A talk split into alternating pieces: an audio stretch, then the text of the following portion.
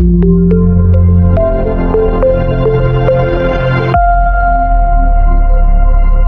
aizvadītajā diennaktī Latvijā reģistrēti vēl 82 inficēšanās ar covid-19 gadījumi un saņemti ziņojumi par divām nāvēm, liecina slimību profilakses un kontrolas centra apkopotie dati. Viens mirušais bijis vecāks par 80 gadiem, otrs vecumā virs 90. No vairāk nekā 7000 veikto testu pozitīvs bija 1,1%. Latvijas slimnīcās šobrīd ārstējas 46 6 covid-19 pacienti, no tiem 8 ir smaga slimības gaita, vēsta Nacionālajā veselības dienestā. Rudenī gaidāms saslimstības ar covid-19 pieaugums, taču sliktākajā scenārijā saslimstība Latvijā var augt jau tuvāko divu nedēļu laikā. Piektdien medijiem sacīja veselības ministrs Daniels Pavļuts no attīstībai par. Ministrs arī teica, citēju, septembrī, oktobrī mums ir jārēķinās ar nopietnu saslimstības pieaugumu. Tas būšot saistīts ar to, ka cilvēkiem beigsies atvaļinājumi, atsāksies skola un notiks lielāka pulcēšanās iekštelpā telpās. Transmisijas ķēdes atkal sāks darboties. Paredzamais kāpums arī saistīts ar Covid-19 delta paveida izplatību Latvijā un tā lipīgumu. Šis paveids jau ir konstatēts 79% izpētīto saslimšanas gadījumu.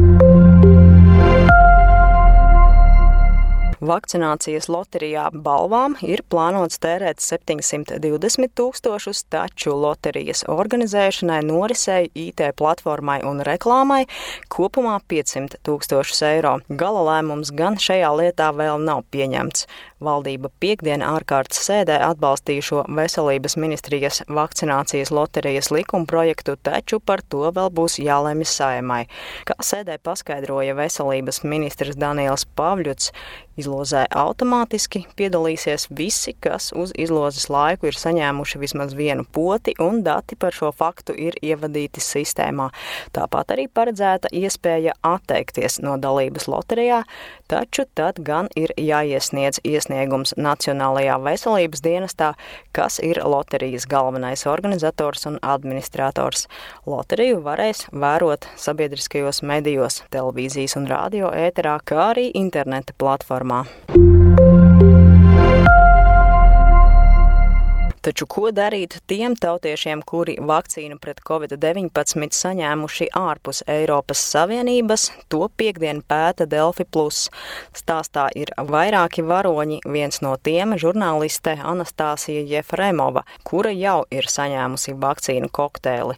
Pērnā gada rudenī Sanktpēterburgā viņa piedalījās eksperimentālas ķīniešu vakcīnas Kansino izmēģinājumā, savukārt pavasarī potējās ar Krievijā radītos putnu Sputnik V. Anastāsija ir Latvijas pilsone, kura pēdējo gadu dzīvo Krievijā.